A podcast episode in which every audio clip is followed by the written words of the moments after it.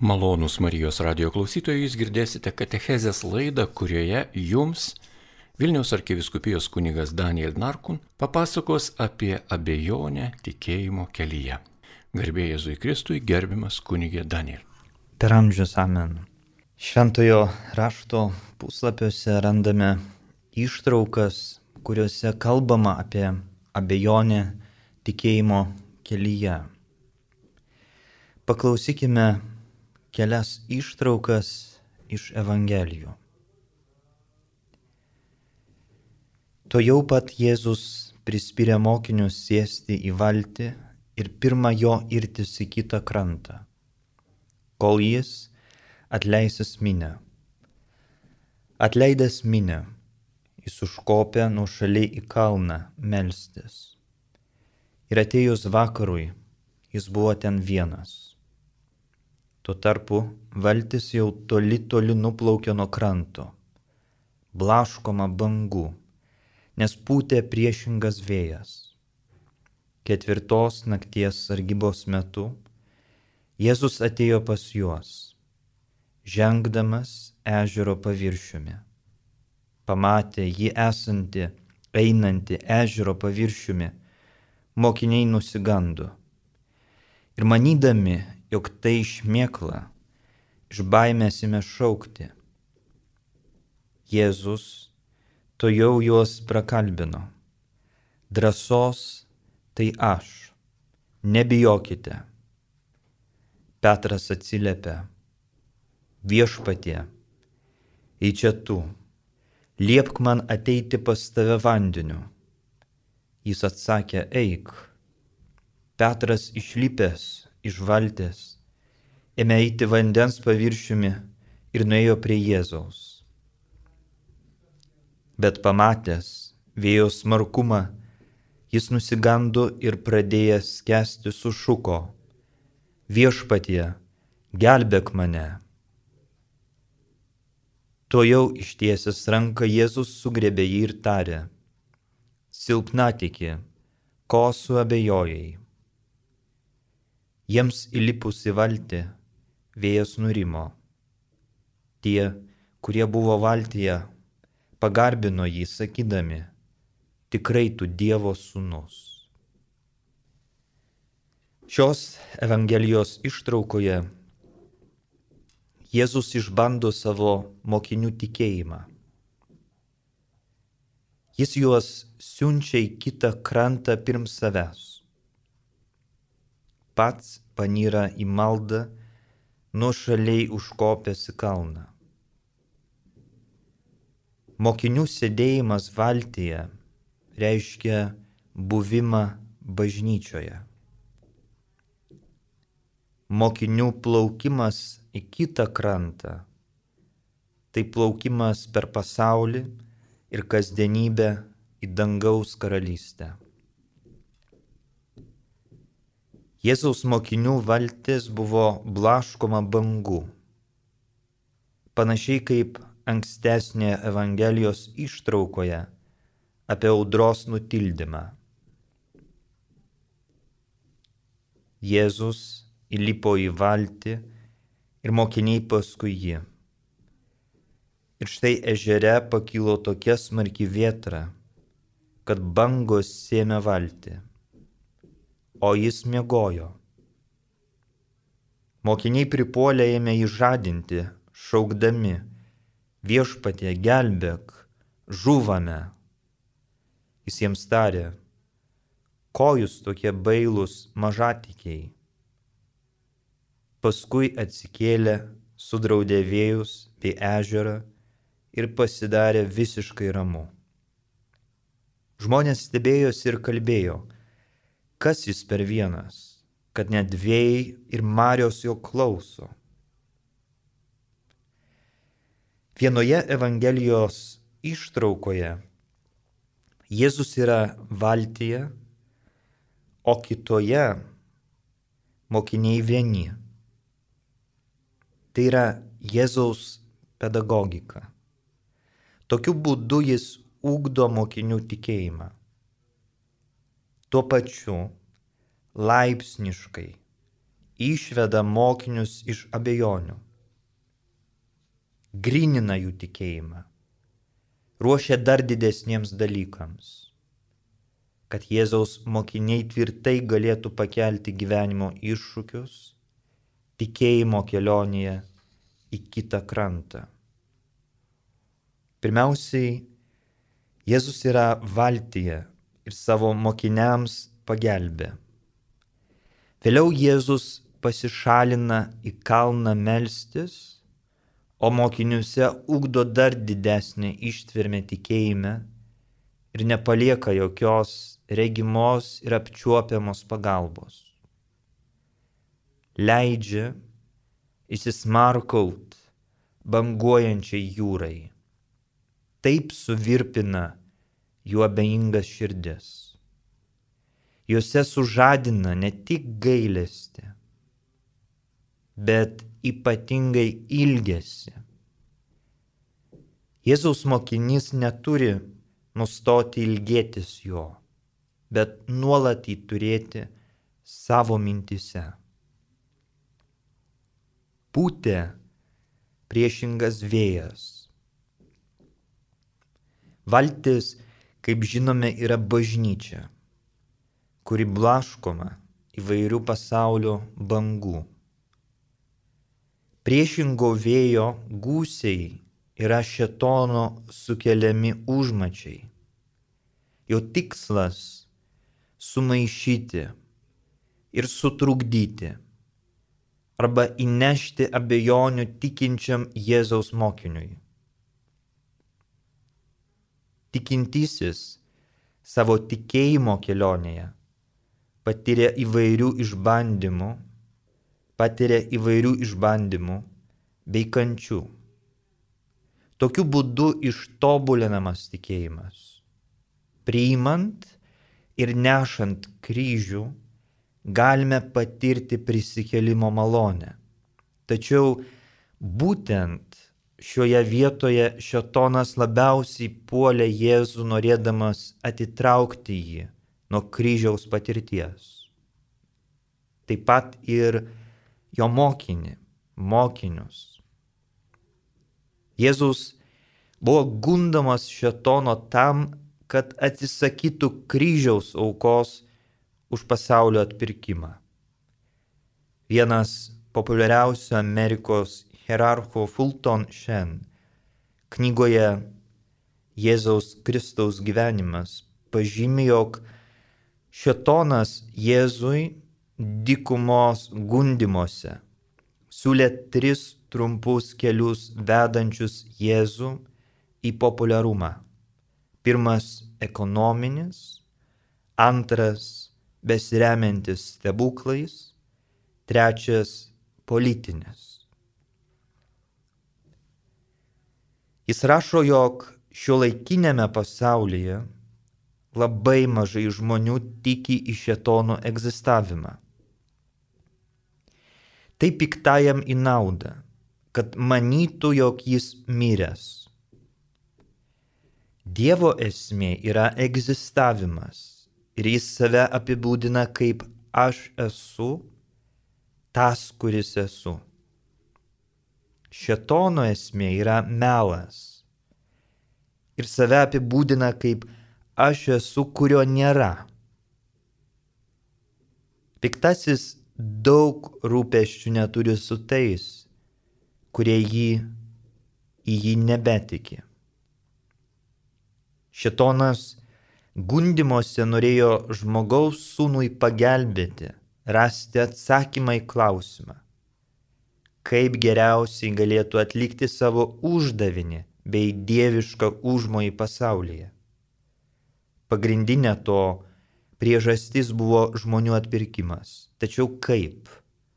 Piktasis turėjo šetonišką pasiūlymą.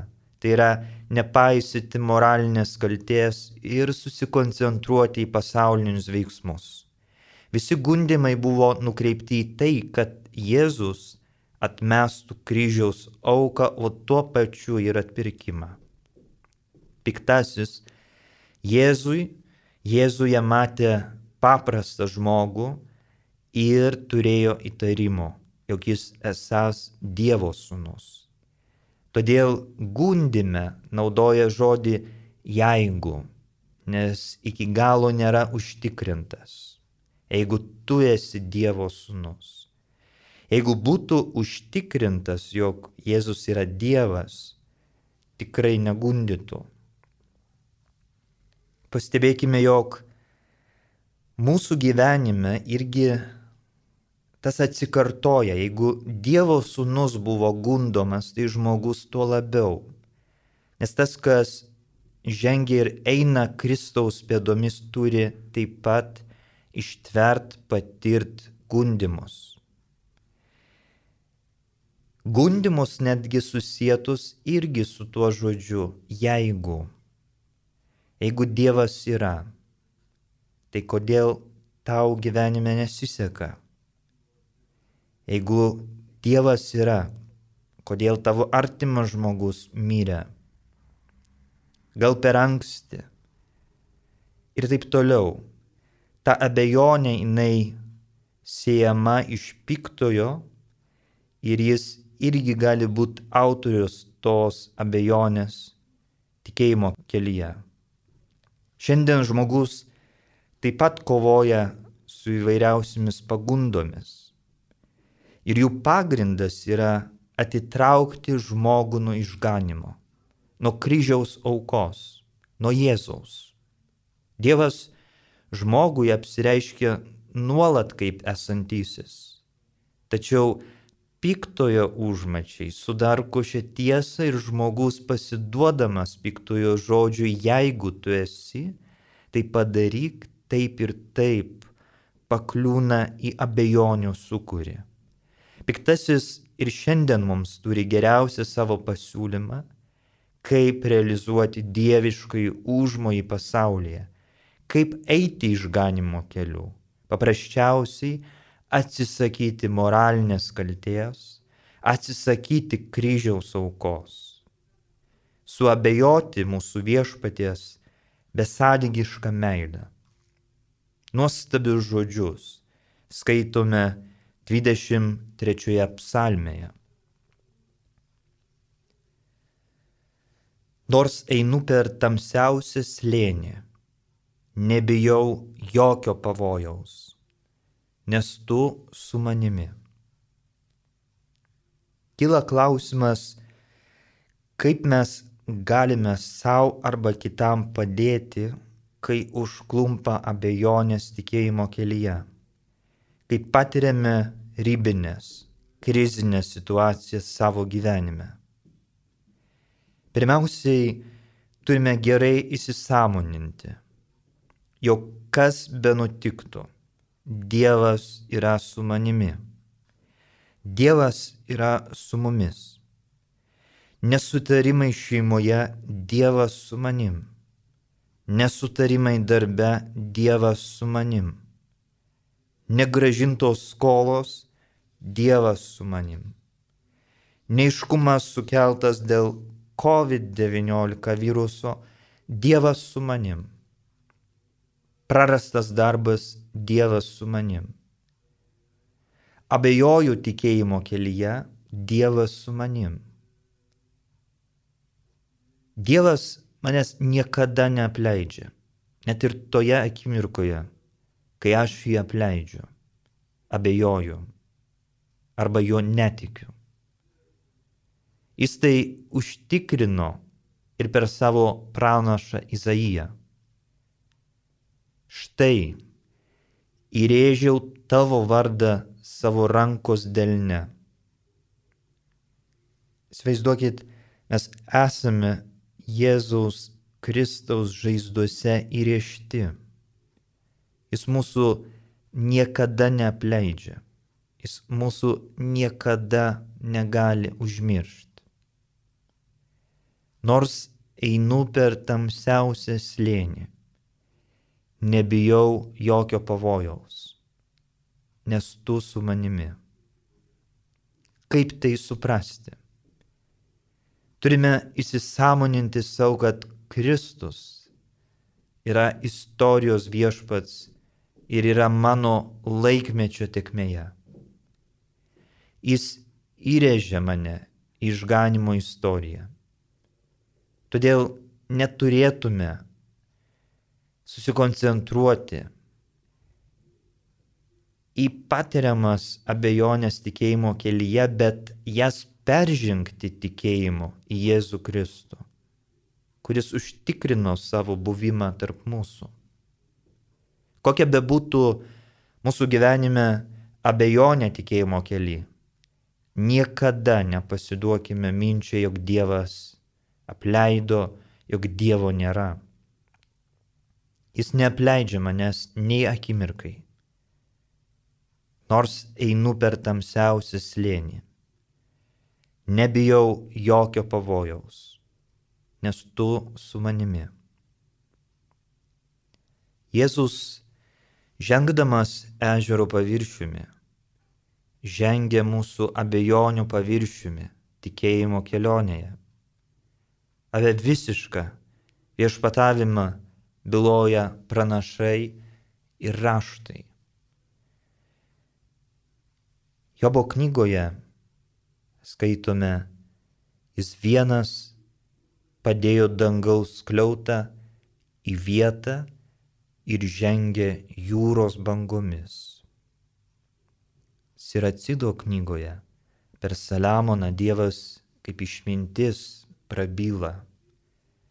Gyvenau dangaus aukštybėse ir mano sostas buvo debesies stulpe. Apėjau dangaus kliautą pati viena ir išvaikščiojau bedugnės gelmes. Dar daugiau Dovydas apie Dievą liūdėja psalmėse. Tavo kelias ėjo per jūrą, tavo takas per galingus vandenis, bet pėdos tavo buvo matomos.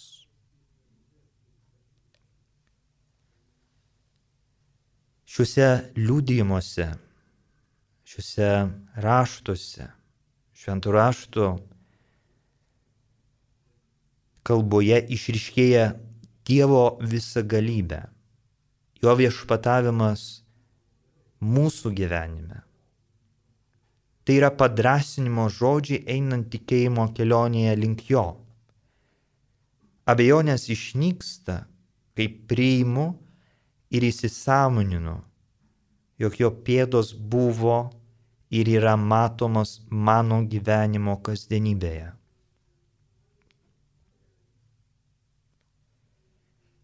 Toliau Evangelijoje kalbama apie mokinių reakciją matant žengiantį Jėzų. Iškiausias atsakas į šį įvykį pastebimas Petro asmenyje. Petras, kuris pasižymėjo tikėjimo olumu, kuris išpažino, jog Jėzus yra Dievo sūnus. Petras, kuris išsigina Jėzaus, o vėliau atgailauja už šį savo veiksmą po viešpaties kančios. Kai Jėzus pasirodo prie Genezareto ežero, pirmas skuba pas jį, nieko nebelaukdamas. Jis giliai pasitikė Jėzumi ir sako, viešpatie, į čia tu liepk man ateiti pas tave vandeniu. Petro kūnas tampa besvoris, o iš esmės sunkus. Petras išlipęs iš valties, ėmė eiti vandens paviršiumi ir nuėjo prie Jėzaus, bet pamatęs vėjo smarkumą, jis nusigando ir pradėjęs skęsti sušūko viešpatė gelbėk mane. Petras skęstanės išsigando vėjo smarkumo ir džiaugiasi išlypęs iš valties ne todėl, kad žengia vandens paviršiumi, bet dėl to, kad ėjo pas Jėzų. Tikėjimo kelionėje Galime ir mes nekartą išsigasti, pakliūti abejonės, tačiau svarbu neprarasti tikslo, kuris teikia džiaugsmą ir gyvenimo prasme. Tai kyla išėjimo pas Jėzų. Petras siekia aukštesnių dalykų. Jis išpažino Jėzų esant Dievo sūnumi. Prieš akį mato gyvenimo prasme. Bet suklumpa ties mažų dalykų. Jis nusigasta, išsigasta ne jūros, o vėjo smarkumo. Taip pat ir mūsų gyvenime yra. Mes išsigastame mažose dalykuose. Savo žmogišką prigimtimi mes galime gyvendinti didžius dalykus, bet mažose suklūpti. Galime uoliai tikėti, bet mažytė abejonė gali mus išblaškyti tikėjimo kelionėje. Todėl Petras šaukėsi Jėzaus pagalbos viešpatė gelbėk mane. Galiausiai Jėzaus ištiesius ranką sugrebė ir tarė silpnatikį, ko suabejojai. Tai reiškia, kodėl žvelgdamas tiesiai, turėdamas gyvenimo prasme, išpažinęs ją, nepaliūdėjai galutinę šlovės jo atžvilgiu. Be jokios abejonės Jėzus Petrui ištiesi ranką. Ir mums Jėzus užduoda klausimą, kurie esame šių laikų banguojančioje pasaulio jūroje ir žengėme prie jo. Silpnatikį, ko suabejojai. Ką atsakysime? Kodėl suabejojame? Galbūt be atsakymo, kaip Petras, galbūt trūksta pasiteisinimo. Tačiau Jėzaus pagalbos bei tikrumo ranka yra ir šiandien ištiesta į mane, į tave, į kiekvieną žmogų. Čia vertėtų dar įterpti katalikų bažnyčios katekizmo žinę, kai jame paaiškinamas pirmasis Dievo įsakymas. Aš esu viešpats, tavo Dievas, kuris išvedžiau tave iš Egipto žemės, iš vergyjos namų. Neturėsi kitų dievų, tik tai mane. Nedirbsi savo drožinio, nei jokio paveikslo. Panašaus į tai, kas yra aukštai danguje ir kas yra čia žemėje ir kas yra vandenyse po žemę. Jiems nesilenksi ir jų negarbinsi. Išgirdome pirmąjį Dievo įsakymą. Pirmų įsakymų reikalaujama stiprinti savo tikėjimą. Sumaniai ir budriai įsaugoti ir atmesti visą, kas jam priešinga. Tikėjimui nusidedama įvairiai. Valingai abejojant, tikėjimas nevertinamas ar net atsisakoma laikyti tiesą, kad Dievas yra apreiškęs ir bažnyčia pateikia tikėti. O nevalingas abejojimas rodo sviravimą tikėjimo atžvilgiu, sunkumus įveikti, prieštaras tikėjimui arba jo nepažinimo keliamą nerimą. Ir sąmoningai puoselėjamos abejonės gali visai aptemdyti dvasę. Evangelijos šviesoje mes atpažįstame, kad abejonė tikėjimo kelyje virsta į siekį gilesnio santykio arba grinesnio santykio su Jėzumi. Viso to kaina yra meilė. Viskas susiveda į mokinio meilę be priemaišų. Bažnyčios mokymas akcentuoja tai Dievo gundimo kontekste. Dievą gundyti, katekizme skaitome, reiškia žodžiais ar veiksmais. Mėginti Dievo gerumą ir visą galybę.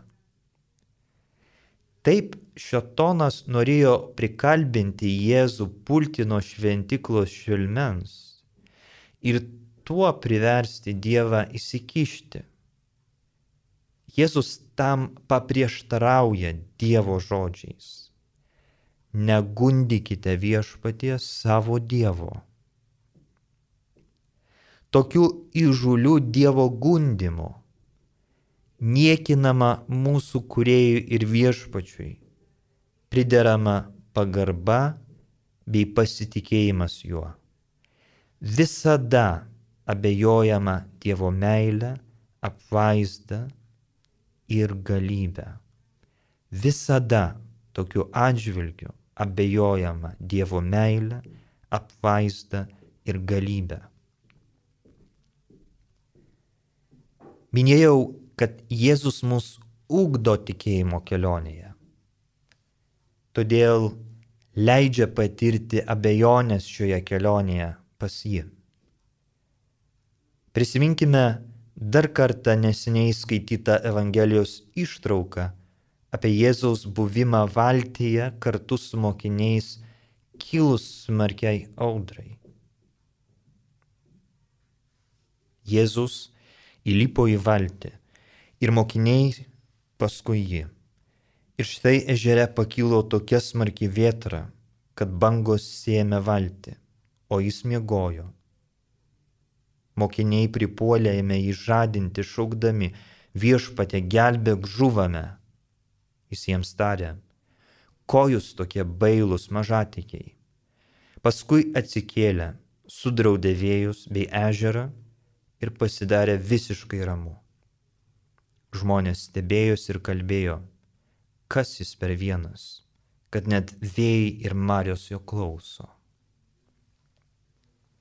Mes, kurie esame bažnyčioje, joje augame, klausomės Dievo žodžio, priimame sakramentus. Esame jo valtyje, jo bažnyčioje. Kartais, o galbūt dažnu dažniausiai, patiriame smarkę vietrą ir bangos semia valtį, vanduo semia valtį.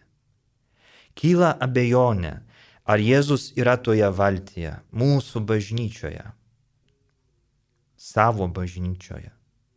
Dar daugiau, galbūt jis vėl saldžiai užmygo kaip anuomet blaškomų jūros bangų valtyje. Kas toliau? Mokiniai pripuolę ėmė jį žadinti šaukdami viešpatė gelbėk žuvame. Evangelija yra amžina. Jėzus keliasi, sudraudė vėjus bei ežerą ir pasidarė visiškai ramu. Tas mažai reikšmingas Jėzus pasaulio akimis. Eucharistinės duonos mažumas. Kiekvieną dieną virš altoriaus iškeliamas kunigų rankomis sudraudžia vėjus bei ežerą ir ateina dieviškoji ramybė. O mums nuolat kartoja, ko jūs tokie bailūs, mažatikiai. Nebijokite ateities, nustokite perdėtai pergyventi dėl darbo, pinigų, mokyklos, studijų, sveikatos, vaikų, politikos ar išvaizdos Jėzus kviečia į gilesnį pasitikėjimą juo. Nors einu per tamsiausią slėnį, nebijau jokio pavojaus, nes tu su manimi. Ir pasidarė visiškai ramu.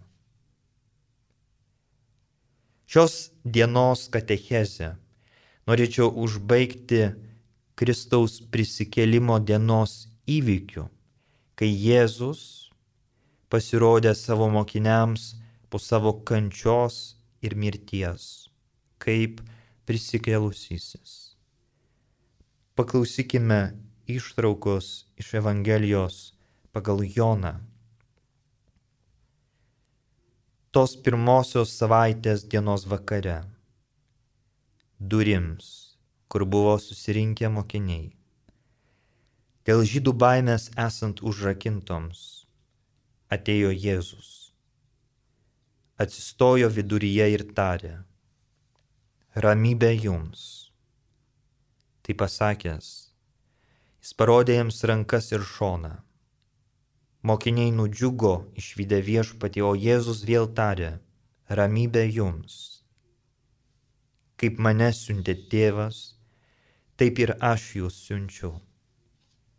Tai pasakęs, jis kvėpė jos ir tarė, imkite šventąją dvasę kam atleisite nuodėmės, tiems jos bus atleistos, o kam sulaikysite, sulaikytos. Vieno iš dvylikos, Tomo, vadinamo dviniu, nebuvo su jais, kai Jėzus buvo atėjęs. Taigi kiti mokiniai jam kalbėjo, mes matėme viešpatį. O jis jiems pasakė, jeigu aš nepamatysiu jo rankose vinių dūrio ir neįleisiu piršto į vinių vietą. Ir jeigu ranka nepaliesiu jo šono, netikėsiu. Po aštuonių dienų jo mokiniai vėl buvo kambaryje ir Tomas su jais. Jėzus atėjo durims esant užrakintoms, atsistojo viduryje ir prabilo, ramybė jums. Paskui kreipėsi į Tomą.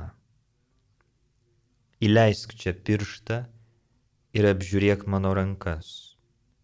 Pakelk ranką ir paliesk mano šoną. Jau nebebūk netikintis, būk tikintis. Tomas sušuko, mano viešpats ir mano Dievas. Jėzus jam ir sako, tu įtikėjai, nes pamatėjai. Palaiminti, kurie tiki nematę.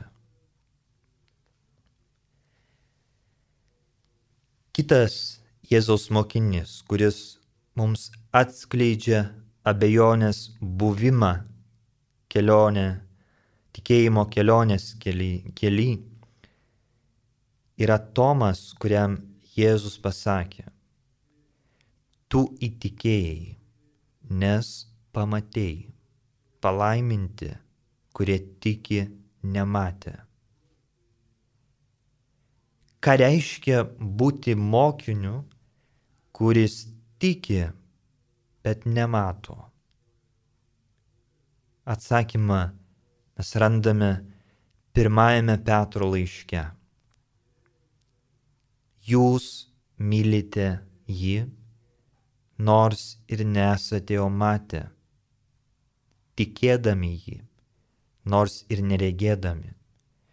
Džiugaujate neapsakomu ir šlovingiausiu džiaugsmu. Jūs mylite jį, nors ir nesate jo matę. Tikėjimas yra neatsiejamas nuo meilės. Todėl abejonė tikėjimo kelyje yra nugalima tik per meilę. Tikėti į Jėzų Kristų prisikėlusi yra meilės išpažinimas.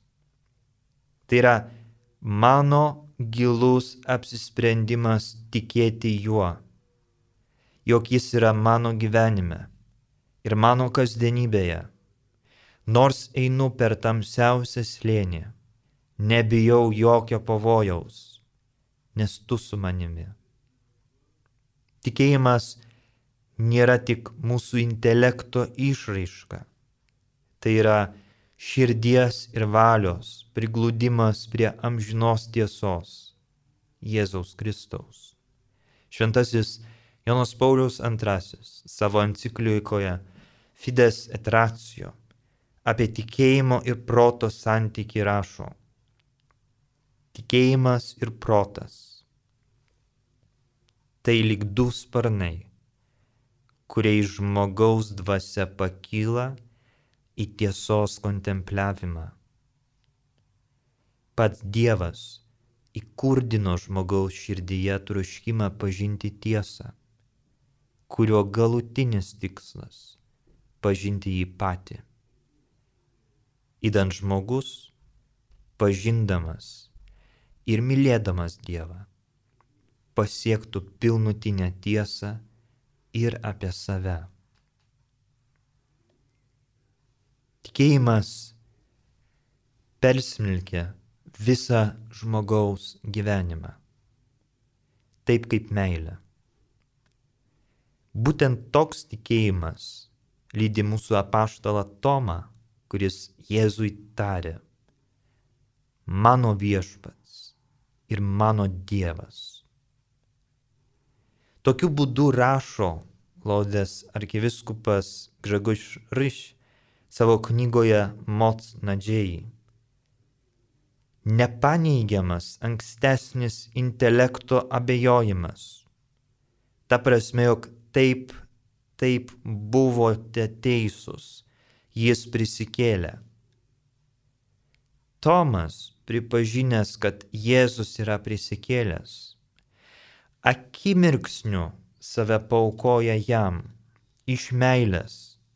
Tai Tomo pasirinkimas, mano viešpats ir mano Dievas. Tai jo pasirinkimas. Meilės pasirinkimas. Iš meilės pasirenka. Tokiu būdu ir mes galime pasimokyti iš Tomo patirties, kuri atskleidžia tikėjimą ir netikėjimą arba abejonę. Norėdami išeiti iš abejonės teritorijos, mes turime giliau pamilti Jėzų. Todėl religija, kol nėra meilės išraiška, tai reiškia asmeniškas susitikimas tol ji yra ideologija. Abejonė tikėjimo kelyje tikrai gali pasireikšti kiekvieno mokinio, Kristaus mokinio gyvenime.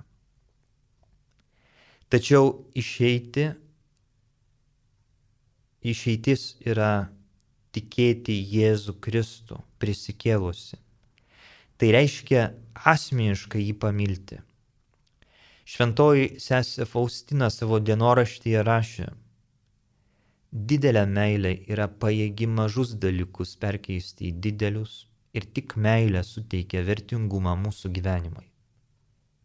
Taip pat Jėzus jai apreiškia, kad jam yra maloningas gyvas tikėjimas ir jis trokšta, kad šiomis dienomis mumise būtų dar didesnis tikėjimas. Brangus Marijos radio klausytojai, šios katechezės užsklandai pasirinkau Švento Pranciškaus maldą. Ja ir užbaigsime šios dienos katechezę apie abejonę tikėjimo kelyje. Viešpatie, padaryk mane savosios ramybės pasiuntiniu ir leis man nešti meilę, kur siaučia neapykanta, santaika, kur vyrauja barniai, vienybę, kur yra skilimas, tikėjimą, kur kankina abejonės, tiesa, kur viešpatauja klaida. Viltį, kur braunasi nusiminimas, džiaugsmą, kur slegia liūdėsys, šviesą, kur užgulusios tamsybės. Mokytojau, padaryk, kad aš trokščiau kitus paguosti, o ne pats būti guodžiamas, kitus suprasti, o ne pats būti suprastas, kitus mylėti o ne pats būti mylimas. Nes kas duoda, gauna, kas atleidžia, tam atleidžiama, kas miršta, tas gimsta amžinai gyventi. Amen.